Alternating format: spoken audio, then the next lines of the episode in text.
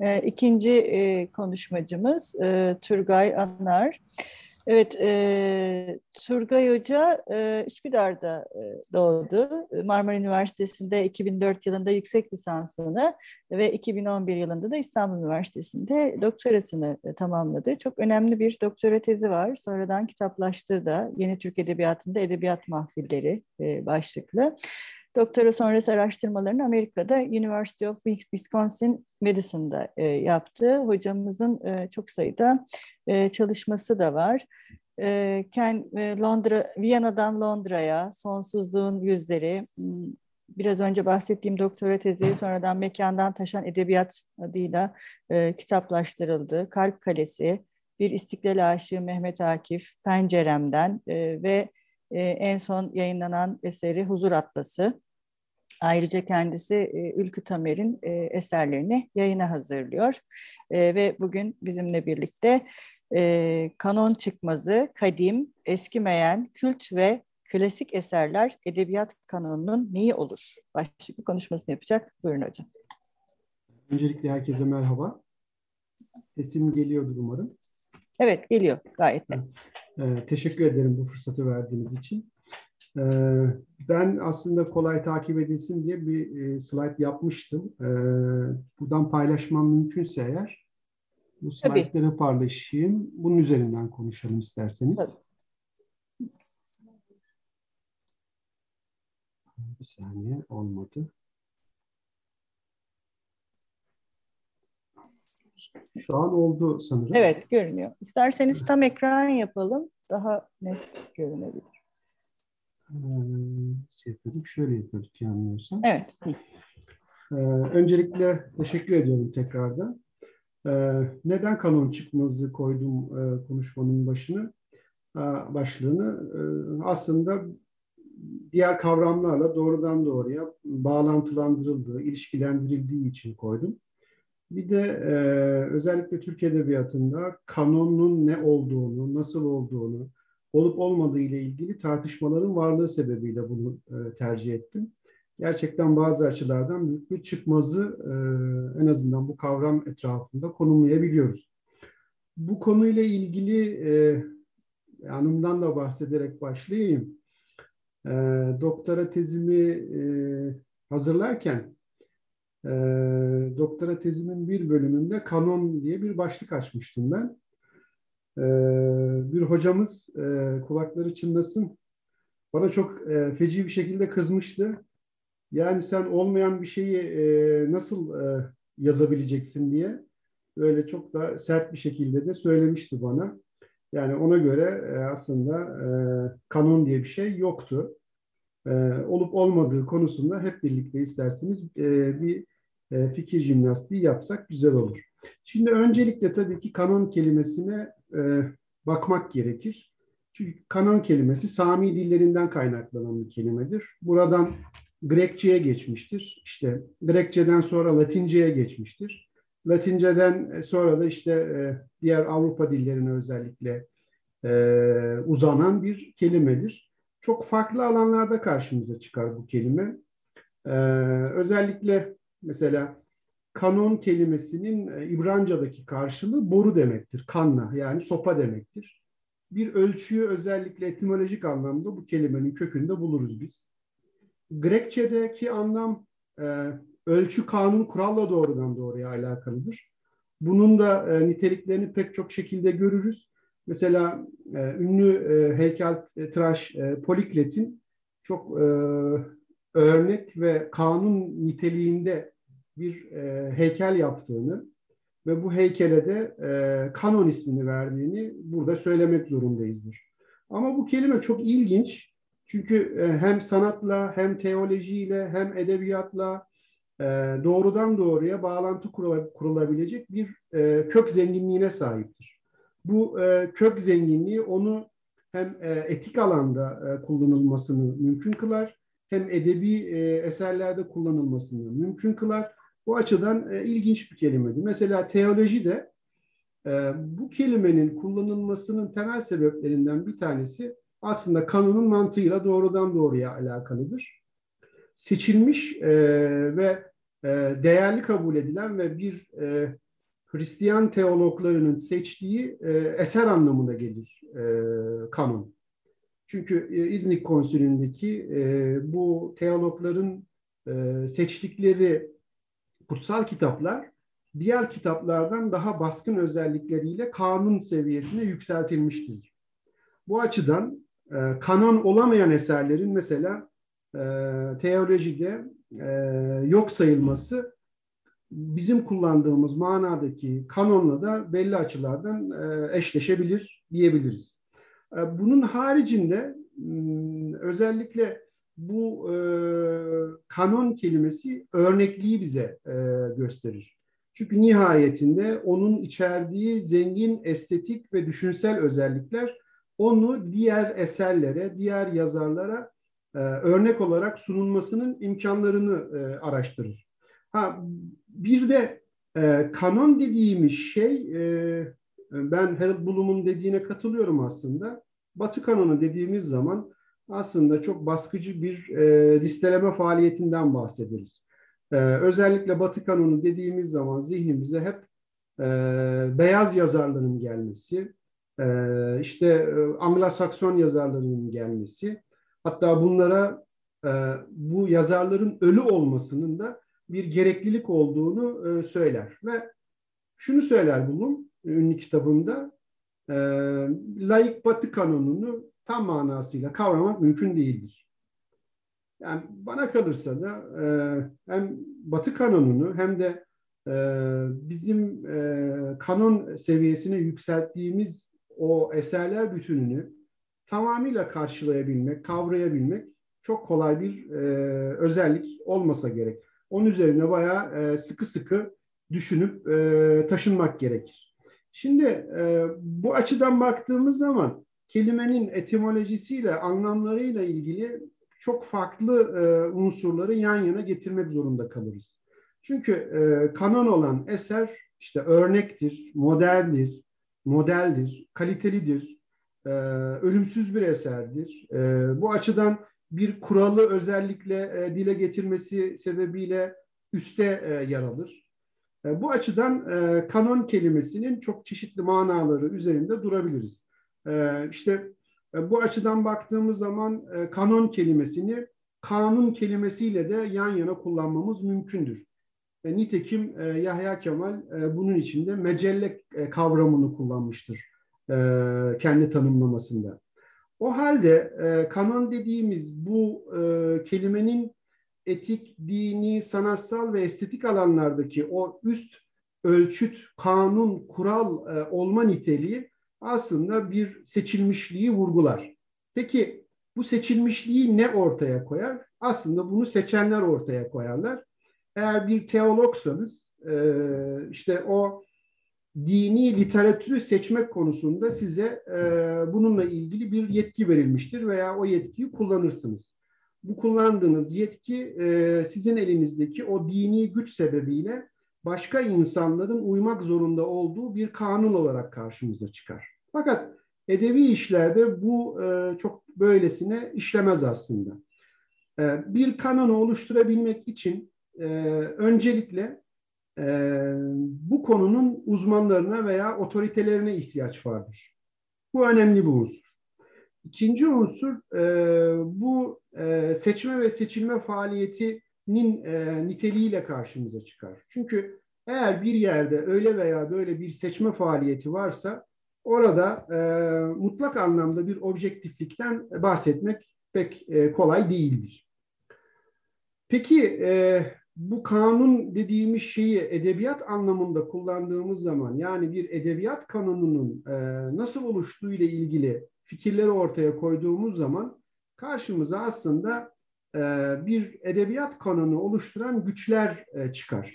Bunların e, en başına e, yazarlar yazarları getirmek gerekir bence. Çünkü e, bir yazar e, kendinden önce ölmüş e, ve değerli kabul edilen yazarları belli özelliklerle değerli kabul ettiğini ispat ederek onları e, kanonik seviyeye yükseltir. O halde e, bir edebiyat kanonunun oluşmasında en önemli mercilerden bir tanesi aslında e, yazarlardır. Bunun yanına edebiyat işleriyle uğraşan akademisyenleri, eleştirmenleri de mutlaka eklemek zorunda kalırız. Akademisyenler öyle veya böyle yazarların seçtiği, değerli kabul edilen bu eserleri okutmakla onları ölümsüzlüğe doğru yükseltirler. Veya tam tersine görmezden gelerek burada bir ideolojik körlükten bahsetmiyorum çeşitli sebeplerde görmezlikten gelinebilir bunlar. Ee, bu görmezden gelinen şeyler ise e, unutulmuşluğa e, terk edilirler maalesef. Bu da e, aslında kanonun e, bir e, güç temerküzünün neticesinde ortaya çıkmasının bir sonucudur diyebiliriz. Eleştirmenler de belli eserleri görüp e, bazen de belli eserleri görmeyerek bu kanonun, e, edebiyat kanonunun nasıl oluştuğuna kendilerince e, katkı sağlayan bir e, kurum olarak karşımıza çıkabilirler. bunun yanına herhalde bir siyaset kurumunu, bir iktidarı eklemek zorunda kalırız. Çünkü özellikle edebiyat kanonları belli açılardan milli kültürü temsil ederler. Yani bu baskın özellikleri sebebiyle iktidar belli eserleri ve yazarları e, seçip seçmeme konusundaki tavırları dolayısıyla e, bir e, kanonik e, listenin oluşmasına imkan tanırlar. Bu e, iktidarın bu gücü aslında e, elindeki güçle doğrudan doğruya alakalıdır. Çünkü e, örnek verecek olursak e, mesela milli kültüre e, mahsus e, devletlerde e, okul müfredatlarının e, iktidar tarafından belli açılardan seçilmiş olması ve bu müfredatlarda okutulacak e, yazarların e, ve eserlerin e, seçilmiş olması da e, edebiyat konunun dediğimiz gücü aslında iktidarın öyle veya böyle müdahil olduğunu bize düşündürtmek e, durumunda kalır. E, bunun haricinde e, bu konular çok tabii ki çeşitlendirilebilir. Mesela buna e, artık yok ama mesela 100 temel eser isimli bir e, Milli Eğitim Bakanlığı tarafından bir liste verilmişti. Mesela bu e, e, kanon dediğimiz e, kelimenin liste anlamını kuşatması açısından düşünüldüğü zaman seçilmiş eserler listesi olarak karşımıza gelir. Seçilmiş eserler e, ve yazarlar aslında o milli kültürü veya e, iktidar dediğimiz o e, şeklin e, okullardaki talebelere e, nasıl e, ulaştırıldığını gösteren önemli bir e, özellik olarak düşünülebilir. Bunun haricinde edebiyat kanonlarını oluşturan bir merci olarak tabii ki okuru e, seçmek zorunda kalırız. Okuru düşünmek zorunda kalırız. Yani okur e, belli tercihleriyle bir e, edebiyat kanonuna e, belki iktidar kadar, belki eleştirmenler kadar e, müdahil olmasa da e, okuma ve yorumlama açısından e, tavırlarıyla katkı sunabilirler. E, bunun yanına tabii ki başka güç merkezlerini de dahil edebiliriz. Benim çalışmamın temel mantığından bir tanesi, temel mantığından birisi buydu. E, edebiyat mahfilleri aslında belli açılardan da e, edebiyat kanonlarının e, oluşmasına e, tesir etmeye çalışırlar. E, bu da edebiyat mahfillerini belki dördüncü bir güç olarak edebiyat kanonunun nasıl oluşturulduğunu düşünmemiz açısından sınıflandırmamıza imkan tanıyabilir. Bunu tabii ki çok çeşitlendirebiliriz, çok farklı açılardan, perspektiflerden davranarak bakış açılarıyla eleştirebiliriz veya değiştirebiliriz. Fakat genel hatlarıyla herhalde e, bir sınıflama yaptığımız zaman bir edebiyat kanonunun nasıl oluştuğuna ilgin, e, ilişkin bu türden bir sınıflamayı kabaca e, işimizi görecek nitelikte kullanmamız mümkündür. O halde edebiyat kanonu dediğimiz zaman aslında bizim bir şeylerin kayıt altına alındığını edebiyatın özellikle belli açılardan bir kalıcılığa ulaşmak amacıyla e, kaydının tutulduğu o e, değerler bütünü olarak kanona bakmamız mümkündür. Ve burada bir e, güç temerküzü karşımıza çıkar. kanonik eser işte bu açıdan bakıldığı zaman e, bu slaytta da özellikle görüldüğü gibi kalıcılık ve kesinlik yönüyle e, bize bir kaliteli örnek olarak e, gelirler. Bu açıdan e, kanon bize eskiden beri o kendine mahsus anlamı dolayısıyla bir değerlendirme ölçütü olarak kanun anlamında gelir. Kanun e, özellikle e, insanların uymak zorunda olduğu bir e, niteliktir. E, edebiyat kanonları bu yönüyle özellikle bir zorlu, zorlayıcılığa da sahiptirler. Mesela klasik eserlerden işte e, ölümsüz, kült dediğimiz eserlerden e, kanonu ayırma ölçütümüz aslında bu özelliğinde gizlidir bana kalırsa. Ve e, bu kanonik metinler veya kanon metinleri e, kesinliğinin yanında bize e, o kendine mahsus geçmişte kalan ama günümüze de yansıyan e, doğruluğuyla, eleştirilmezliğiyle, örnekliğiyle e, bizi etkileyecek bir özellikle karşımıza çıkarlar. Bu yüzden e, aslında kanonik metinler e, klasik metinlere nazaran çok daha e, zor değişen metinlerdir veya listelerdir diyelim. Farklardan bir tanesi de budur. Aynı zamanda e, kanon olmuş eserler e, e, eleştirilemeyecekleri için veya bir e, kutsal kitap gibi değerli kabul edildiklerinden dolayı dokunulmazlığa sahip olduklarından dolayı o eser ve yazar üzerinden onları yıpratıcı, e, eleştiren, olumsuzlayan e, tartışmalara çok fazlasıyla kapı aralamazlar. Bu açıdan aslında belli açılardan e, katılığı, e, kapılarının kapanmış olmasını da göstermesi açısından kanonun bu özelliği kesinliği vurgulayan yanıyla karşımıza çıkabilirler diyebiliriz. E, bu özellik e, aslında e, onun niçin bir sınıflandırma ölçütü olarak kullanıldığını da bize düşündürtür. Şimdi hızlı hızlı geldim buraya kadar çünkü ben bunları aslında çok fazlasıyla üzerinde durmayacaktım. Çok da durmadım böyle hızlı hızlı atlaya zıplaya geldim buraya. Benim asıl üzerinde durmak istediğim kavramlar e, klasik ve diğer kavramların kanonla olan bağlantıları üzerinde konuşmak. Şimdi e, burada e, iş biraz çetrefilleşir bir anda. Çünkü e, kanonik eser e, ve klasik eser e, çok fazlasıyla karşılaştırılan, e, karıştırılan bir özelliğe sahiptir. Mesela e, kanunun bu e, emredicilik e, vasfını bilmeyen insanlar tarafından kanon mu daha üstedir, klasik mi daha üstedir diye bir soru sorulduğu zaman bu insanlara yüzde doksanına yakını klasik eserlerin kanonik eserlerden daha üst seviyede olduğunu söyleyecek bir özellikle karşımıza cevap çıkar. Bu aslında bana kalırsa klasik dediğimiz şeyin e, kanondan farklarını bilmemekle doğrudan doğruya alakalıdır diyebiliriz.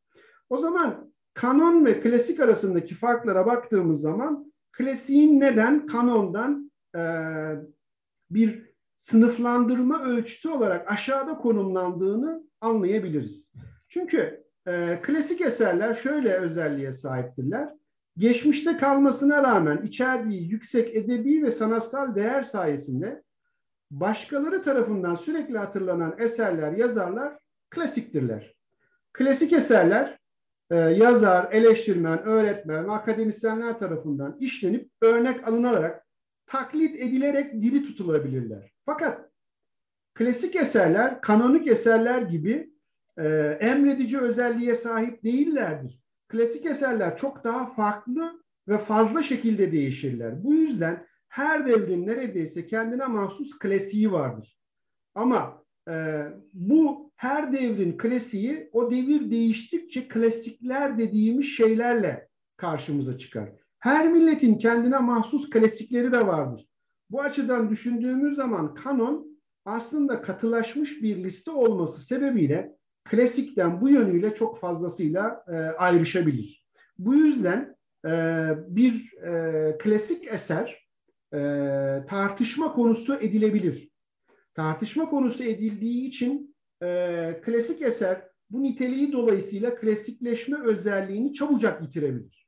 Yani 10 yıl öncesinde klasik eser kabul edilen bir metin çok çeşitli eleştirilerle yıkılıp o klasikler listesine girmeyebilir. Bu yüzden herhalde kanon ve klasik arasındaki ölçütlerden en önemlisi budur diyebiliriz. Ama bunun haricinde de bir özellik vardır. Şöyle ki kanon ve klasik arasındaki farkı belirleyen ilk ölçüt klasik olamayan eserlerin değersiz sayılmamasıdır. Kanonda tam tersidir. Çünkü e, kanon bu emredicilik dolayısıyla e, o listeye giremeyenlerin e, neredeyse böyle e, olumsuzlandığı, zaman zaman hakir görüldüğü e, eserler ve yazarları da ifadelendirir. Fakat klasik olamayan eserler bu açıdan e, hakir görülme özellikleriyle karşımıza çıkmayabilirler. Bu açıdan klasikle kanon arasındaki farkın bir, bu türden bir e, eleştirel yönü de e, bulunur diyebiliriz. E, klasik olmaya hak kazanan eserler kanon kadar kesin bağlayıcılıklara, bağlayıcılıklara sahip değildirler bu yüzden de. Bu yüzden e, bu özelliği dolayısıyla e, mesela e, farklı dönemlerin farklı klasiklerinin olması bu yüzden insanları yadırgatmaz. Ama kanonik eserler özellikle bu unsurlar dolayısıyla e, katılaşmaları sebebiyle e, üzerinde öyle veya böyle büyük bir uzlaşının olması sebebiyle diğer eserleri bu türden e, bir yadırganmanın çok şiddetlisini yaşatacak şekilde karşımıza çıkartabilir kanon e, eserleri olarak. E, ve kanon oluşmasında dışlanan her şey gerçekten böyledir. Hor görülür ve hatta ölüme mahkum edilir. Ama klasik eserler bu yüzden çok daha rahat bir e, canlılık e, verisiyle karşımıza çıkarlar. E, bu açıdan baktığımız zaman e, klasik eserlerle kanonik eserlerin arasındaki geçişkenliği de düşünmek zorunda kalabiliriz. Bu yüzden mesela klasikler çok çeşitli şekillerde yorumlanarak kalıcılıklarını elde ederlerse e, belli açılardan kanon seviyesine yükselebilirler. Fakat bu ne kadar sürede yükselebilir diye bir soru sorulduğu zaman e, doğal olarak buna 5 yıl, 10 yıl gibi bir süre vermek pek e, makul e, olmasa gerek. Bunun için e, bunun üzerine e, ciddi ciddi eğilmek de gerekir. Yani bir bir 17. 18. 19. yüzyılda klasik olmuş eser ne zaman kanon dediğimiz seviyeye yükselmiştir. Bununla ilgili e, ciddi ciddi çalışmak e, gerekir diyebiliriz. Kadim ve eskimeyen kavramları üzerinden kanon kavramına da bakabiliriz e, bura, burada. Çünkü ölümsüz eserler, işte kadim eserler, eskimeyen eserler dediğimiz bu eserler e, kanon ve klasik kavramlarıyla yan yana gelirler. E, herhalde e, bu açıdan bakıldığı zaman e, kanon kavramının aslında e, tamamen e, Harold Bloom'un söylediği bir e, çizgiyle düşündüğümüz zaman hayatta kalanların listesi şeklinde düşünebiliriz biz bu eserleri. Fakat e, kadim, eskimeyen ve ölümsüz eserler e, hayatta kalma özelliklerinin niteliği kanonik eserlerin nitelikleriyle aynı şekilde midir? İsterseniz biraz da buna bakalım. Ee, yani buradan yola çıkarsak aslında e, kadim, eskimeyen, ölümsüz eserler zamanın ve insan beğenilerinin değişmesine rağmen hala cap canlı kaldıkları sebebiyle değerlidirler. Ama e, bu eserler bir kanonik kanun niteliğine sahip sağlam bir temele e, ulaşamamışlardır. Bu yüzden kadim, eskimeyen, ölümsüz e, sıfatlarını kullandığımız zaman kanonik anlamdaki emredicilik özelliğine sahip olduğunu pek e, düşünmememiz gerekir. Şimdi o halde e, kanonik eser dediğimiz zaman ne anlamalıyız gibi bir soru da karşımıza çıkar. E, Kayahan hocamız e, konuşmasında buna e, bir şey mi dediniz? Özür dilerim hocam. Yok devam edebiliriz. Bir ses karıştı galiba. e, kanonik eserler e, dediğimiz zaman herhalde e, bunun ne olduğunu da e, odaklanmamız gerekir. E, yani bir kanonik eser dediğimiz zaman karşımıza çıkabilecek bu türden eserler herhalde yüzyıllar önce içindeki edebi estetik değer sebebiyle kanun seviyesine ulaşarak eleştirilmezlik özelliklerine sahip eserler gibi anlayabiliriz biz bu eserleri. İşte bunun için mesela Yunus Emre'ye bizim kanonumuz e, diyebiliriz. Fuzuli'ye, Şeyh Galip'e, Baki'ye, Nedim'e de e, bu türden e, güçleri dolayısıyla e, kanonik eserler ve yazarlar anlamında bir liste oluşturduğumuz zaman mutlaka yer vermek durumunda kalırız. Ama e, bu özel bu, bu isimler bazen bir bazen de birkaç metniyle edebiyat kanununun içine dahil edilirler. E, bu özellikler işte e, aslında zaman zaman e, bu kavrama neden farklı perspektiflerden bakmak zorunda olduğumuzu da bize e, düşündürtür. Bunun için e, mutlaka e, işte e, bir kanun düzeyinde e, eleştirilmezlik görüşüyle kendi görüşlerimizi de e, sınırlamamamız gerekir. Çünkü buna e, çok farklı perspektiflerden baktığımız zaman o e, verdiğimiz değerin e, zaman zaman değişebileceği, hatta üzerinde soru işaretlerini de e, çekebilecek yazarlar ve metinler olduğunu da mutlaka düşünmemiz gerekir. E, peki e, klasiklerle e, bu e, özellikleri kıyasladığımız zaman nasıl bir e, şey karşımıza çıkar? Yani e, kanonik eserle ölümsüz eserler gibi bir e, karşılaştırma yaptığımız zaman kime klasik dememiz, kime kanon dememiz gerekir diye bir soru da karşımıza gelir. Mesela bir liste yaptığımız zaman e, klasik eserlerimiz veya yazarlarımız dediğimiz zaman benim Cumhuriyet sonrasında aklıma gelen işte Tanpınar gelir, Yakup Kadri gelir. E, Cumhuriyet öncesinde eser vermiş olmasına rağmen Nazım Hikmet e, belli açılardan gelir. Herhalde e, klasiklerin bu nitelikleri e, onların da listelenmesi sebebiyle de e, bir e, seçilmiş eserler ve yazarlar listesi olarak klasiklerinde tanımlanmasına imkan e, sağlar diyebiliriz. E, son olarak da e, kült kavramı üzerinde e, durmak isterim. Şimdi e, bu özellikle günümüzde çok böyle e, e, beğeniyi yükseltecek şekilde veya işte belli bir zümrenin, belli bir grubun keşfettiği ve bu keşfi dolayısıyla çok önemsediği e, eserler e, veya işte sinema filmleri üzerinden karşımıza çıkan bir kavram olarak karşımıza e, gelir. E, aslında kült eser dediğimiz zaman içindeki sahneden işte bu sinema boyutudur.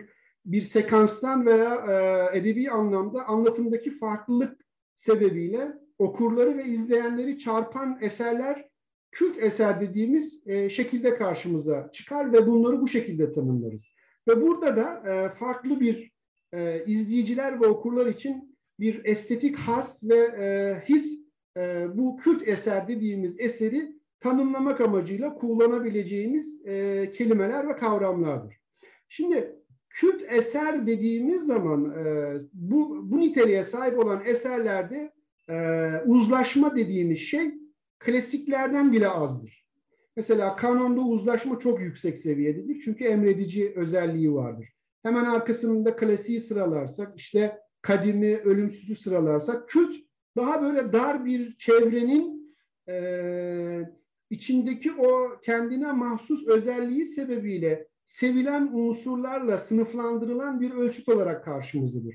Kült eser dediğimiz zaman çok böyle e, alenileşmiş bir eserden e, en azından bahsetmek pek doğru olmasa gerek. Herhalde daha böyle dar bir çevrenin e, önem verdiği eser gibi kültü sınırlayabiliriz diye düşünüyorum ben açıkçası. Ve e, kült eseri e, bir izler çevre tarafından değerli kabul edilir bu yönüyle ve bu çevrenin genişlemesi e, daha sonra onun klasik sınıfa doğru e, yükselmesine e, imkan tanır.